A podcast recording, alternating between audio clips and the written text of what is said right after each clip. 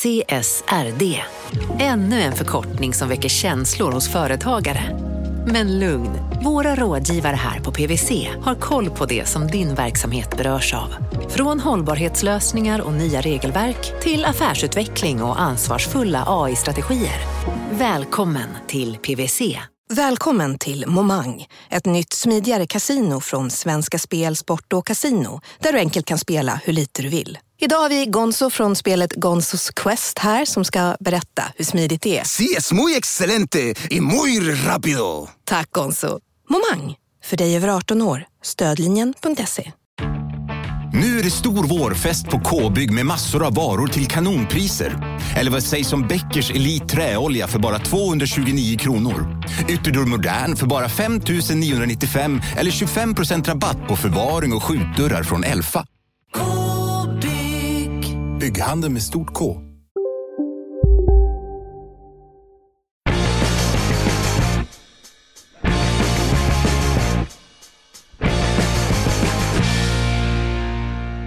Hej och trevlig torsdag. Eh, torsdagar brukar ju vara pannkak, ärtsoppa och pannkakor. Ja. Men numera är det vår nya utgivningsdag utav den här podden som heter De kallar oss Krypto. Eh, podden som ritar kartor genom blockkedjornas magiska värld och som varje torsdag då djupdyker i den fascinerande och exploderande kryptovärlden. Jag som pratar heter Mårten Andersson. Eh, Jag är entreprenör, komiker och eh, framförallt kryptoentusiast numera.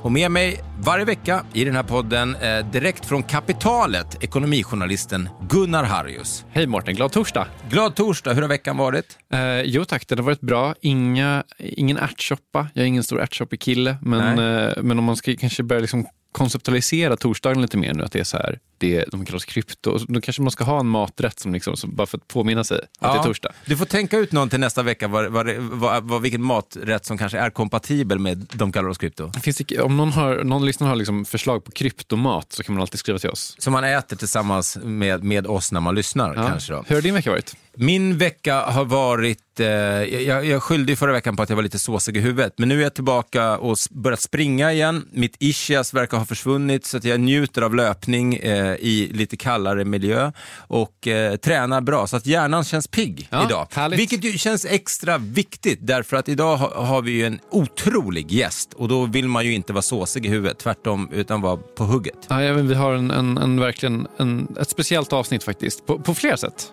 Ja, eh, för att hela det här avsnittet idag det kommer vara en intervju med Meltem Demirers. Hon är då Chief Strategy Officer på Coinshares. Och Coinshares är ju vår sponsor i DKOK. Men jag vill säga det här nu, eh, för nu kanske ni sitter och tänker, åh, ett sponsrat avsnitt, det här kommer bli tråkigt. Nej, nej, nej, nej. Melton Demirors är en världsstjärna i kryptovärlden. Eh, hon är en återkommande gäst på CNBC. Hon är med oftare i Bloomberg än deras vignetter. Och så fort hon ska prata om någonting i de här eh, kanalerna som har med krypto att göra, då är det Melton Demirors som får uttala sig. Kort sagt så är hon en av de ledande tänkarna inom kryptosfären. Ja, alltså, jag tror faktiskt inte vi kan hypa upp henne nog. Eh, alltså, när den amerikanska kongressen, alltså representanthuset eller om det var senaten, minns faktiskt inte. De hade någon så här utfrågning kring kryptovalutor och typ så här, vad är det här för någonting? Vi, vi som är lawmakers måste lära oss vad det här är och hur det funkar och om det behöver... Då är det hon, det, det, det är Melton Demirors som bjuds in. Ja, det är inte oss två hon ringer. Nej, nej, ringer. nej, nej, nej. Det, det är hon, liksom, alltså, de tar dit henne för att hon är liksom, men typ, hade hon spelat tennis så är hon liksom Serena Williams. Det, Ja. det är där hon är. Ja. Det är liksom den nivån vi jobbar på. Det är verkligen ja, men världsstjärna, precis Ja. som du sa. Så vi är så otroligt glada att kunna ha med henne i programmet. Eh, det ska bli otroligt kul. Ja, jag, jag vill, vill, bara dra igång, det är så det känns. Eh, Ringa upp eh, till USA där hon befinner sig. Men, men om man inte visste det då så är ju då Coinshares ett utmärkt sätt att börja på. Det var så jag började. Som sagt, idag sitter jag också och har lite investeringar och saker som inte bara är certifikat utan då, vad ska man säga, riktiga bitcoin, ethereum och andra coins. Men jag började med certifikat mycket därför att det kändes säkert och tryggt att handla på en, en svensk aktör, i det här fallet då, i mitt fall Avanza, men det finns ju Nordnet och så vidare. Ja. Skattefördelar. Skattefördelar, att det är ett ISK som man betalar minimal skatt eh, och har då en produkt som liksom speglar eh, bitcoin för att förklara det enkelt. Man köper ju den, den underliggande tillgången. Ja, något, så är det. Eh, jag vet inte om vi ska säga så mycket mer förutom att man kan gå in på coinshares.com om man vill läsa mer om hur det bolaget funkar och vad de håller på med. De har massa spännande rapporter. Det här kommer vi säkert komma in på, jag vet inte. Jag har en känsla av det. Ja. Jag har en känsla av det. Så ska vi säga då helt enkelt eh, att vi lyfter på luren och eh, det känns som jag är så gammal. Vem lyfter på en lur? Ja, det kanske man gör. Ja. Här är hon i alla fall, världsstjärnan Meltum the Mirrors. Welcome to De kallar oss krypto! Hi! How are you? Woohoo! Um, I am well. I am very well. How are you? We're very good. We're very excited to, to you're our first international guest. and Yeah. you're not- Ooh, I'm so excited. Well, thanks for having me on. This feels, feels like a huge step for the podcast uh, to finally have, a, have an international guest. and a huge step for mankind. Yeah. Uh, so before we dive into the crypto universe, Meltem, uh, I just wanted to check. Uh, like you, you're in New York right now. Uh, how's the vibe there now, considering COVID and restrictions, etc.? Yeah, so I'm um, I'm actually not in New York. I am in New Hampshire, which is um, a state whose motto is "Live free or die." it is a libertarian state. Um, so true to my Bitcoin roots, I have relocated to a place that um, has no taxes, no sales tax, no income tax, um, very pro freedom. And so uh, it's great. Um, very high vaccination rates in, in this state, and um, everything's open. People are going about their their day to day lives. Uh, so it's it's good. I spent some time in New York. Uh, climate there is obviously not great. Um, and again, I think in the US, one of the big things we've seen since the start of COVID is more of a move towards authoritarian policies, authoritarian rulemaking, um, and governments mandating what people do with with their bodies, which I think, you know, is um, not particularly uh, promising, particularly as someone who believes in self sovereignty and the right for people to choose for for themselves. But, but at least you are living free right now. I am living free. It's lovely.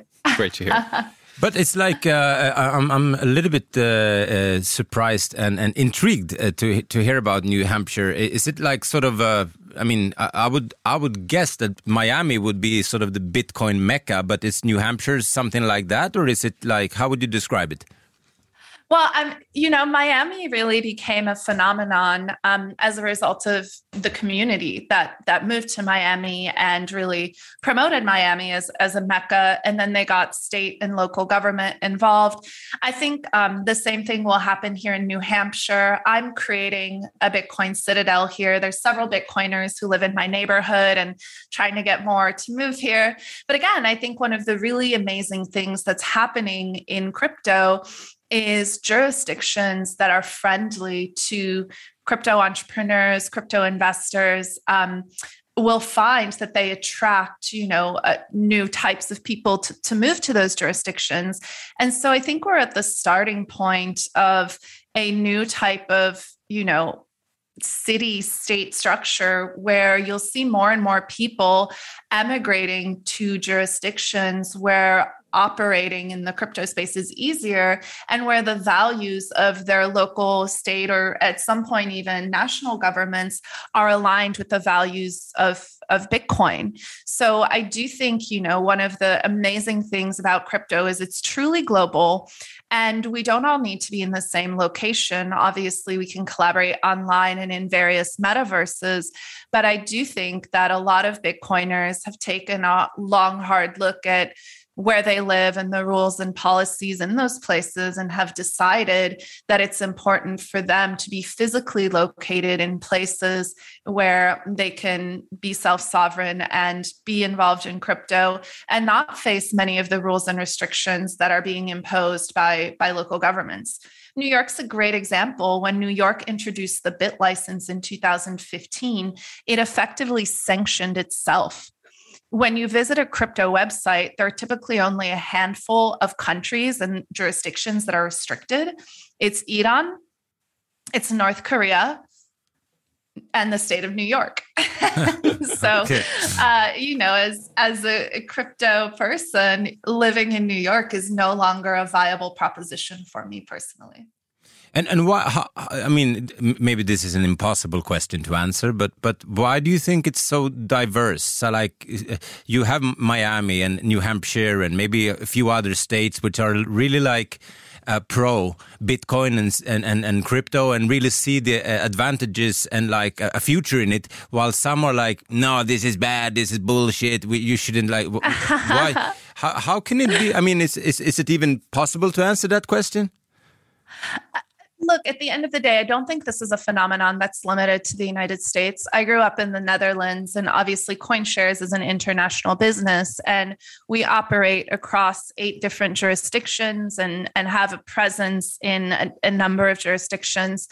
I think at the end of the day, what we're seeing. Um, is is this the world of, of finance and regulations and rules pertaining to finance have historically been based on the physical jurisdiction in which you operate. If you're a bank and you have a branch you know in in Denmark, then you are subject to the rules of that country. Now, the fundamental challenge with crypto and fintech more broadly, right? As more things become digital and markets become 24 7, 365 global digital interoperable markets, the challenge is how do you regulate something that has no physical jurisdiction? Mm. How do you regulate a network that has nodes in every country in the world? And so, what I think we're starting to see is the fundamental incompatibility of the current way that finance is governed and regulated and the way the direction that that finance and money is moving. And the way I think about Bitcoin is Bitcoin is the first digital nation state. There are over 300 million people around the world who hold Bitcoin. And so if you look at Bitcoin as a nation which has a citizenship, right, of people who have all chosen, right, it's a choice to be a part of the Bitcoin community. But there are 300 million people around the world who've chosen to join, like Bitcoin Nation, if you will. That makes it one of the largest countries and one of the largest economies in the world. And so, really, truly, think what we're seeing is the emergence of the first digital like self-sovereign nation and i think for uh, countries it's very difficult to understand this because money and state have never been separated before. And for the first time, we have money that exists and is widely utilized that is completely independent of any state or sovereign power. And that's fundamentally liberating. But like uh, maybe we're getting a bit of, ahead of ourselves here. But uh, if you if you look at uh, what what usually happens when when uh, an, a new nation uh, becomes sovereign, is that a lot of other nations uh, try to stop this. Is, is, is that what we're seeing right now? You think? Absolutely, but here's the challenge, um, and this is an interesting one. How do you stop an idea? Hmm. Yeah. You can't arrest an idea you can't put software or code in in jail. Well you kill the mining like they did in china then th i guess that's what you would do. Or you regulate sure, it. you, you can slow its growth, right? And in the United States, there's something called Operation Choke Point, which is an effort by um, the bank regulators to prevent industries like the crypto industry, gambling, pornography from having access to banking services. You can certainly do that. And in, in many countries around the world, banks, you know, are limiting the ability of crypto companies to access the fiat banking system. So you can slow it down, but you can't stop it right because an idea is not arrestable you can't put ideas in in jail so again i think some governments are trying to slow the growth of bitcoin um, but at this point, you know, if we look at just the US, 15% of Americans own Bitcoin. If we look at Europe, 4% of Europeans own Bitcoin. At this stage, I think we've reached this point of inevitability. That's certainly my personal belief and also our belief at, at CoinShares we've reached a point of inevitability. So, as a country, you sort of have a choice. You can try to kill an idea, but history will show that that has never really gone as planned. or you can embrace this opportunity to bring trillions of dollars of economic activity and um, brilliant developers and entrepreneurs to your country. Which do you choose? Uh, when I did my comedy club, which I still do, uh, Raw Comedy Club, I, I was part owned for a little bit by Sony Music. And uh, by that time, uh, Sweden has a history of, of illegal downloading, both in movies uh, and in, in music and that they, they, tried to fight the the fact that people wanted to download things uh, for a long time, and the music industry had their all their lawyers trying to sue people to the right and left, and like and and and, and it, it, didn't work because like you said the idea was already there. The demand was there. And instead of working with it not only sony music all major record companies like warner uh, universal and so on were all fighting this. And out of that came spotify. Right. And i think that's a great example right? Um, there's sort of two approaches. You can try to stop progress from happening, but the only constant in our world is change, right? And the issue we have is that governments are fundamentally incapable of coping with change industries, corporations, as they grow and become more ossified and more set in their sort of ways, um, they're they're difficult to, to change. But at the end of the day, progress and change is inevitable. And I think what you're starting to see, at least on the corporate side, and with some smaller nations like El Salvador and Paraguay and Zimbabwe and, and others, is that instead of fighting change, they're looking at ways to use this change to benefit themselves. And I think, again, if we look at streaming, that's a great example of a multi billion dollar, if not multi trillion dollar industry that emerged that fundamentally changed the nature of distribution. So, you know, Martin, for example, you with your comedy club, maybe before streaming, you could get your content to 100 listeners. Now you can get your content to 100 million listeners, right? Yeah. And the economics maybe change, but the volume is so much higher. And so I think the same thing is happening with crypto. Instead of finance being distributed through these intermediaries and financial products and assets being distributed through this value chain that has many intermediaries along the way, we're going directly from protocol to end user. And it's fundamentally changing the economics of finance, financial services, but also intellectual property and music rights and film rights and all of these other sort of elements um, in our world where value is is exchanged between two people.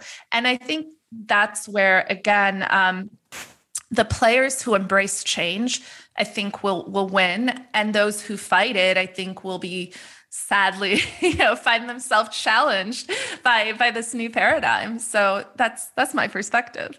But can i just uh, bring it back uh, to this thing um, uh, about either you uh, accept and work with change or you deny or you try to deny change or or that an idea is already uh, has awakened and and you can't stop it these countries that that will uh, try to stop it uh, because I think it will be. Even though I'm super pro crypto, uh, I think.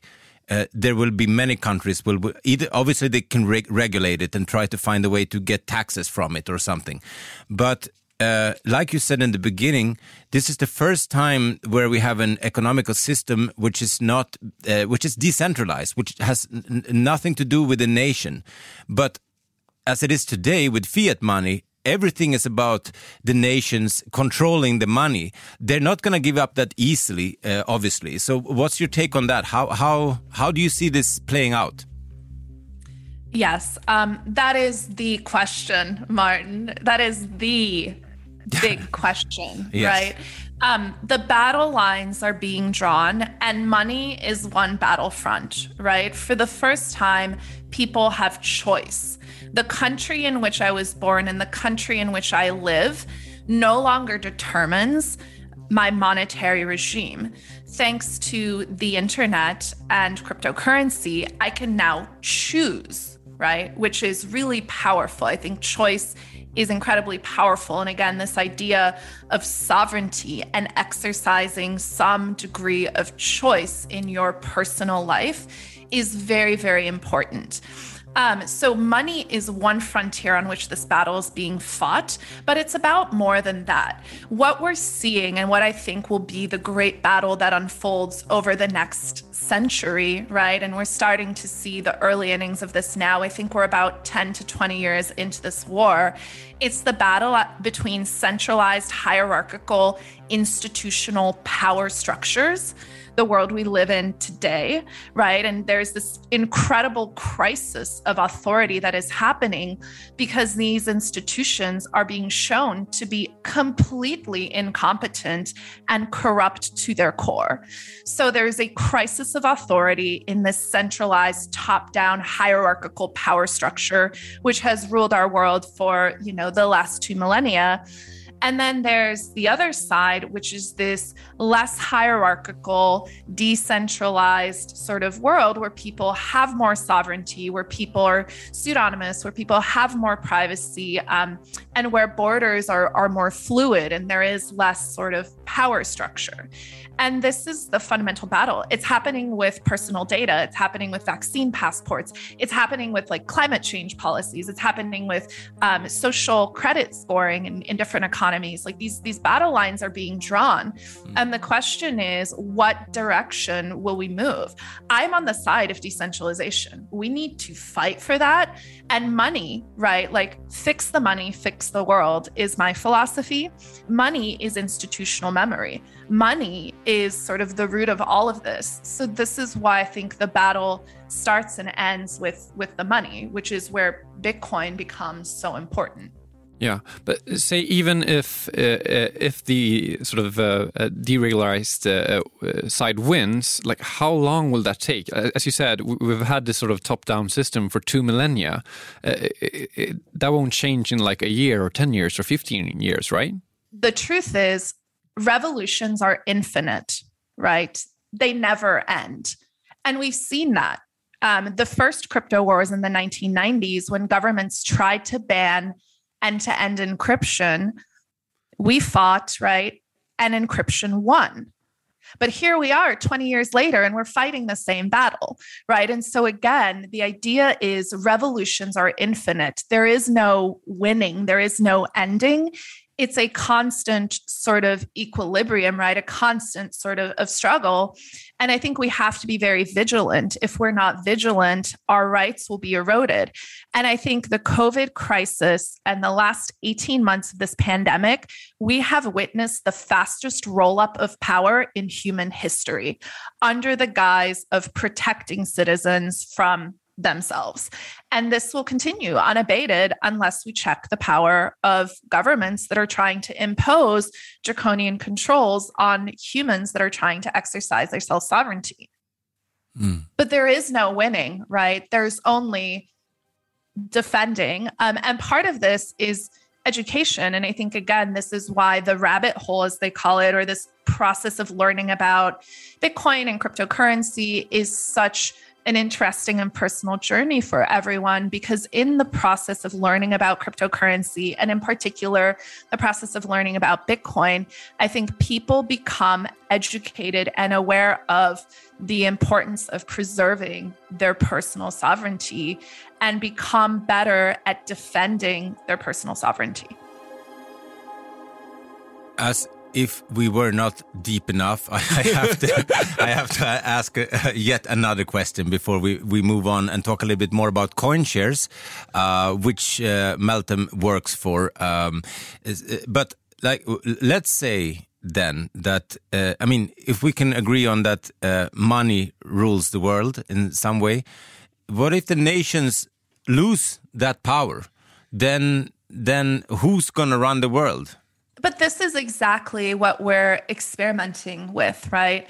And I think, again, um, there's this wonderful book called uh, Crisis uh, of the Public, and it's about how to establish authority in a world where information moves at the speed of light. And there is no real center of, of authority anymore, right? It used to be, I, I remember when I was a kid, sorry, I'm going to tell a story. When I was a, a kid uh, growing up in Holland, um, I really wanted an Encyclopedia Britannica growing up. Do you remember Encyclopedia Britannica? Yes. Right. So um, I think it was my sixth or my seventh birthday. My parents got me Encyclopedia Britannica. And I think at the same time, we had just gotten a computer in our house. Um, but it there was no internet, right? It, it, we would use floppy disks, and uh, like I remember playing Doom on a on a floppy disk. Um, but I was so excited about having Encyclopedia Britannica because my quest in life and what I love more than anything else, not money, it's not power, it's knowledge, right? Like I love knowledge. I love understanding things and connecting ideas. For me, that is the most fun. Um, and so having this Encyclopedia Britannica, like I felt like a god because I could know all the things. Yeah. and then I could look everything up. Like it was so empowering. Um, but still, everything that was printed in those pages, right? Was the interpretation and, and, writing of and sort of the, the credibility of the, the people who, who put that together. Now we have the internet, right, and Wikipedia and all of these different sources of information. The concept of an Encyclopedia Britannica today seems laughable, right? Because you Google. But how do we verify the fidelity of the information we're consuming, right? There's a massive sort of gap, there's a massive crisis um, in authority. What is authoritatively or objectively the, the truth? And that's again where I think Bitcoin is so interesting because Bitcoin is mem- it's, it's money with memory, right? Um, and this is like the first time we've really had money with with memory, and all of that memory is secured by by proof of work by this amazing economic engine. And so I think again, as we we look at the direction the world is is trending, right? Um, in an environment with increased chaos, people look for order. And one of the beautiful things about Bitcoin is like Bitcoin has a natural order. Bitcoin is money with fidelity, money with memory. And I think that's incredibly powerful because fiat is memory with amnesia, right? An average currency lasts 27 years. And we're getting printed into oblivion. So at some point, um, this power structure will collapse. And I think what we're focused on and, and building and what I'm investing in and trying to, to, you know, build and help bring about is a way to make that transition less painful and to minimize the the damage. Because at the end of the day um, you know revolutions are messy they're inconvenient. But if we can begin to transition people out of the existing structure we're in and into these new structures and start experimenting with and understanding how we can utilize technology, these tools, but also these core principles and ideas um, to build new systems, new tools. That's very powerful. And we're still very early. Bitcoin is only 12 years old, right? A lot of the technology we're experimenting with now is like 12 months old. so it's certainly going to be a long uh, process. I don't know if it will happen within my lifetime, um, but change can be very swift. And I think it's very important to build the tools for the revolution now. Um, yeah. And again, when I say revolution, right, it, I don't mean, you know, some violent, you know, bloody event. Um, I think revolutions can happen quietly and, and peacefully. Um, but we have to build those tools, we have to build that infrastructure. To, to bring the the uh, discussion onto onto CoinShares, sort of how how does CoinShares uh, fit in uh, into this transition slash uh, revolution? Uh, what do you guys actually do? That's a great question. Um, so, CoinShares, we are a digital asset investment firm, and we make it easy, safe, and secure for firms and individuals to interact with cryptocurrency. So let me articulate what, what that means and how we do that. Um, in 2015, we um, we started the world's first exchange traded Bitcoin product, meaning for the first time, if you had a brokerage account, I mean, we started it in Sweden. It's called XBT Provider. So we love Sweden, it's our home jurisdiction. And the Swedish regulators, by the way, um, were the first to be so open minded. You know, it's the year 2021, and in the US, we still don't have a Bitcoin ETF. Um, but but really the idea was um, Bitcoin. You have to remember in 2015, Mt. Gox had just gotten hacked, right? So people were very concerned about the security of, of their Bitcoin. What we really wanted to do is make it really easy for anyone in the world with a brokerage account to get exposure to Bitcoin without having to manage their own keys, having to manage their own security, their own infrastructure, and to make it easily tradable on traditional brokerage platform. I think we recognize at CoinShares that change takes a long time. And we're still in the early innings of people and institutions getting involved with Bitcoin. So we're going to create products and services that make it really easy for people to enter the world of cryptocurrency. Um, so today we have on the asset management side of our business three different platforms on which we issue products, um, and all of them are traded in in the Nordics. Um, and we have about 5 billion in assets under management across those different platforms we have direct exposure to cryptocurrencies themselves. So we have a bitcoin product an ether product a ripple product and a litecoin product. And then we have exposure to crypto equities as well via a um, blockchain etf which is invested in a number of different companies that are exposed to cryptocurrency and derive value or revenues from the cryptocurrency space. So that's asset management. And then on the flip side, what makes all of that possible is all of our trading and market infrastructure, the technology we've built over the last seven years of, of CoinShares. And so um, that's the second side of our business a lot of trading activity, a lot of sort of market activity. And then the third piece of the business, which is smaller but growing very quickly, is the investment side. So I have the most fun job. I am our chief strategy officer, and my job is to look into the future at what is coming next in the world of cryptocurrency and to invest in it on behalf of CoinShares and to work with those companies to integrate their products and services into what we do. So it's a really fun job. Um, one of the companies we're invested in, for example, is a company called Fold, which allows you to earn Bitcoin back when you spend cash. And just yesterday, they announced they're rolling out a Pokemon Go game, uh, Pokemon Go like game, pardon, where you can walk around and go to different places in your city and get Bitcoin, earn Satoshis, which is pretty cool. So they're marrying sort of the world of physical and online retail with, with Bitcoin, which is pretty exciting. Um, but there are a number of other businesses. And so taken together, you know, really the idea behind CoinShares is we start by sort of thinking about what the future will look like and how the world of regulated finance that we operate in is changing. We invest in companies that we think are going to change the future of finance. Then we integrate that into our product suite in different ways. And then we also have a great research group that publishes a lot of um, really deep and insightful research on all of these themes and trends that we see emerging. That's super interesting. I, I saw, I don't know which of all the people I've, uh, uh crypto people I follow on Twitter who was playing that game, uh, that Pokemon game, but this morning, uh, actually. Um, so that's cool. But uh, how come Sweden become the, the, the country where you launched uh, these XBT provider, the first country of all the countries in the world? Because you're not obviously a Swedish company. We're not a Swedish company. It's a, a great question. So I think um, one of the things I'll say, and we also publicly listed in Sweden in March of this year, right? So Sweden, in many ways, is our home country in the sense that um, the first market our products traded in in 2015 was Sweden, and Sweden um, is also where we're listed, right, and and where our stock is traded. Yeah. So um, you know, and and many of our certificate holders, by the way, who hold our products, um, are Swedish. So I will say, you know, kudos to the Swedes. Um, they're one of the first like investor audiences to really get Bitcoin. And I think many of them have got their first exposure to Bitcoin through one of our products, which is really just a very cool thing. And it's so fun for me. And Martin, I think actually when we chatted, your first exposure to Bitcoin was through XBT provider, right? Yeah, correct. The, the very first uh, Bitcoin and Ethereum I bought through you. Uh, so that was my my my first uh, first experience with with crypto.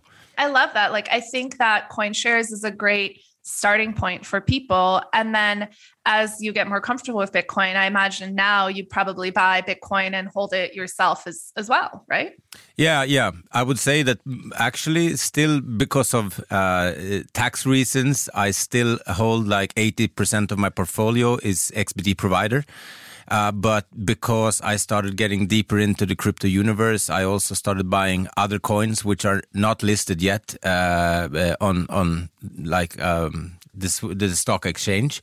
Um, But I also have Bitcoin and and other things that I bought, which is it's not there. But yes, uh, if if it wasn't for for CoinShares and and XBT Provider, I'm not sure I would have found those uh, because it felt really good to use. Um, uh, in my case, it's called Avanza, but you also have Nordnet and, and other uh, other uh, exchanges you can use. But I was so familiar with that from other things that I bought, stocks and fund and, and bonds and other things, and uh, and now I could buy it there. So that that that was my way into it, and I can highly recommend it to anyone listening to this. and and again that's that's exactly the idea is um, we want to be a starting point for people to get their first exposure to bitcoin and to delve into this world and we continue to expand our product family and our suite of products and services as the industry matures but also as the investor audience and their needs and what they want changes. But going back to, to Sweden, um, I think one of the biggest elements that that was important to us as we were building the CoinShares business. You have to remember in 2015, um, nobody wanted to talk about Bitcoin, right? And everyone thought Bitcoin was, was this crazy idea. Mount Gox had just happened. The Silk Road case in the US had just happened. Um, so there's all of this negative sort of news around Bitcoin. And to their credit, uh, the Swedish regulator, the SFSA, I think, was was very um, open-minded. And so Sweden was sort of a natural starting point um, for us. And over time, that that evolved and, and changed. I joined CoinShares in, in 2018. Um, I initially started my career in crypto at Digital Currency Group, which is the largest asset manager and investment firm in the United States. And then uh, moved over to CoinShares in 2018, wanted to work with a more international team and, and do something a bit different. And since then, we've expanded to a number of different markets throughout Europe. Um, but unfortunately, you know, the United States still can't have a, a publicly traded um, crypto product that that tracks price, right? Um, the Grayscale product does does not track price. Its price is dictated by supply and demand, unfortunately, which is you know not great for investors who maybe buy the product at a premium and then are subject to the product trading at a, at a discount now.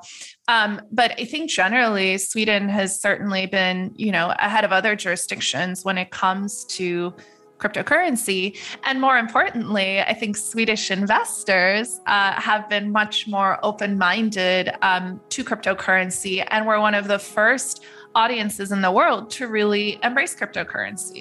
Yeah. So, you know, it's that's that makes Sweden a great fit for us. And again, um, as we look at sort of the the temperature in Europe, you know, the UK obviously is not so friendly towards crypto, and then different countries in Europe have different approaches. Germany is now becoming much more crypto friendly.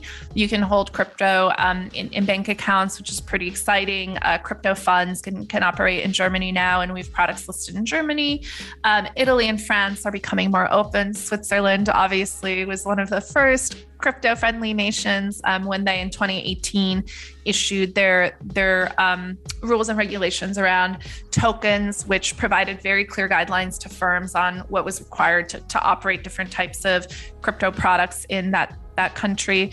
So again um, here's a great example right? The conversation we were having at the start. Uh, this is a great example of different jurisdictions depending on their approach to crypto regulation are going to attract different types of of operators and entrepreneurs. But at the end of the day right if we look at sweden and people who participate in our xbt product provider product remember people who bought xbt provider in 2015 2016 2017 were buying when bitcoin was at $300 bitcoin is now at $50000 that's created material wealth and upside for people. And we want people to be able to participate in that. We want people to be able to participate in the crypto industry in a safe and secure way. And we're regulated, we comply with all regulations. I would say, if anything, you know, we are have, subject to much more scrutiny than most financial firms. Um, our reserves of crypto that we hold that back our products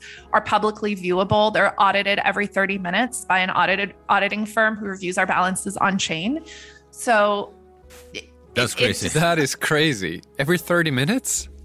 Every 30 minutes, yep. Um, there's a firm called Armanino LLP. And um, actually, if you go to our website, you can view it. Anyone can go and look and see how much Bitcoin and Ether we hold and how um, it maps back to the number of shares that we've issued in, in the Yeah. market. That's Again, sort of- trust and transparency is super important to us. And this beautiful thing called a blockchain provides full transparency. So why wouldn't we use it? yeah, that that sort of answers my next question, which is, I think m- most of our listeners uh, think of you as as the guys who provide the the XBTs, and I was wondering, like, how do, how does does those products work? Do you guys have like a huge stash of, of Bitcoin that you have to have? How how is that regulated, and, and and how much Bitcoin do you actually have to have to be able to, to provide these products? Yeah. So um, there's two different platforms. XBT Provider, which was our first platform, um, you can view all of the balances. Um, most of the Bitcoin we hold is is actual Bitcoin itself, and some of it is synthetic Bitcoin. Um, all of that is if you go, I believe it's um, if if you just go to our website, coinshares.com, and you navigate to the section on XBT, you can view balances in real time. But we're always 100% fully collateralized. So every certificate that's out in the market is fully backed by Bitcoin. Um, and then we created a new platform that we uh, launched in January of this year called CoinShares Physical, which is an ETC or an exchange trade commodity. And there it's one to one backed with actual physical Bitcoin. And when I say physical, that's a little bit of a misnomer because Bitcoin's digital, right? You, you can't really hold a physical Bitcoin. Um, but the idea there in exchange traded commodity, right? We actually own all of the underlying and it's held in, in cold storage. And again, both of those products, you can go online, coinshares.com, balances in real time, visible, audited, all on chain. We're the world's first and only digital asset manager to do that. We introduced that last summer for the XBT product family. And in January, when we launched the physical platform, that, that was part of the platform. Um, and again, we are very, very focused on trust and transparency. I think it's very important for people to know and to be able to gather data about the risk they're taking. And our products really you have no risk of the Bitcoin not being there. It's it's fully backed, it's fully guaranteed, it's fully collateralized. I think uh, one maybe one of the last questions uh, is how do you cope?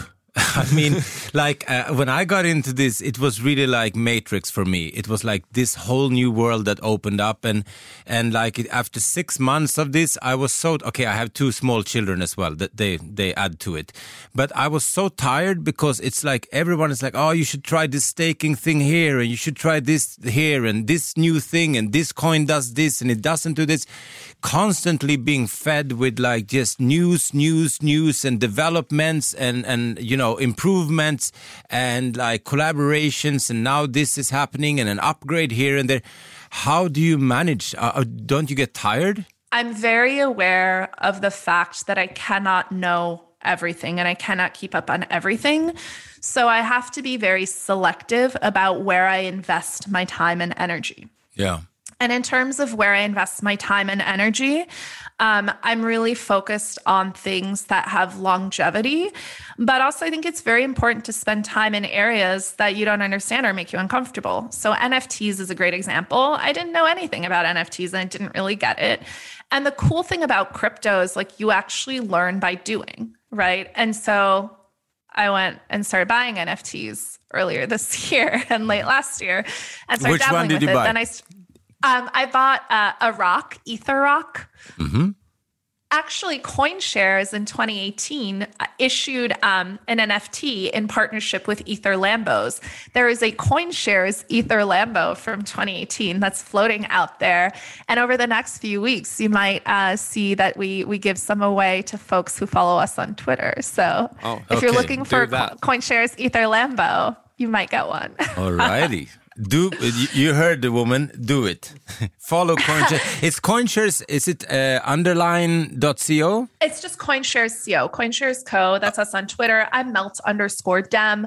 Um, but but look, I think the reality is, Martin, you can't keep up with it all. Our research team does a great job summarizing key themes and trends. And I think again, it also really depends on what your your goals are, right? If you're an investor and crypto is becoming a bigger part of your portfolio, you know, important for you to sort of have a perspective on investment strategy. We have a great investment strategist who publishes about one piece of research a week on different investment strategies around Bitcoin and how to conceptualize volatility or allocation sizing in your portfolio great starting point. If you're really curious about like the Bitcoin economy, um, we just had a great research paper on Lightning and how Lightning will become the transaction layer for Bitcoin and what that could mean.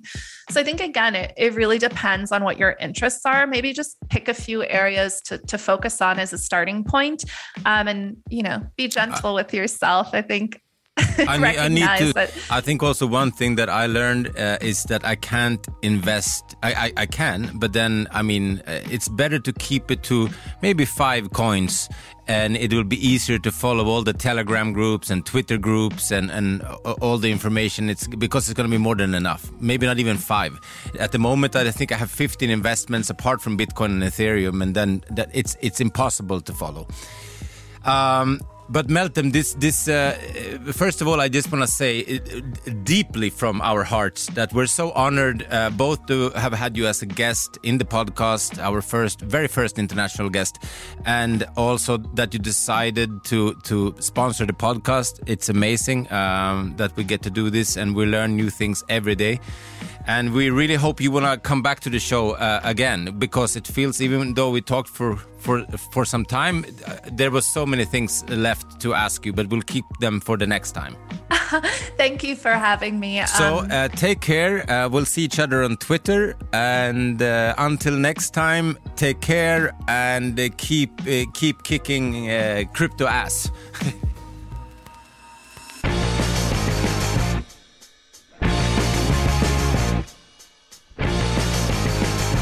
Melton Demirs alltså, eh, ja vi sa det i introt, det är en världsstjärna. Det här är liksom den yttersta liksom, nivån av kryptotänkare som jag har att göra med och jag, jag, jag, är rätt övertygad om att det, ni, ni lyssnare också märkte det i den här intervjun.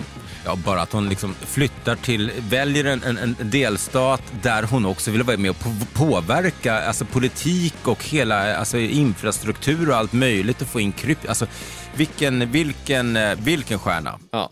Eh, följ henne alltså på Twitter, det heter hon melt-dem eh, och ni kan följa oss också. Det kan ni göra och då heter vi DKO Krypto på, på Twitter.